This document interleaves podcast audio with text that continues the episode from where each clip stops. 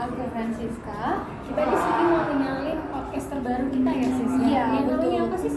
The 3 PM Talk. Wah, tepuk tangan dong. Yeay, kenapa kita pilih judul itu? Ah, karena di jam kita ngerasa jam 3 i- jam 3 sore itu adalah waktu yang kayak paling tepat untuk ngobrol-ngobrol santai. Iya. Kita udah sa- biasanya kita ngumpulnya selalu weekend ya sis ya. Iya, iya.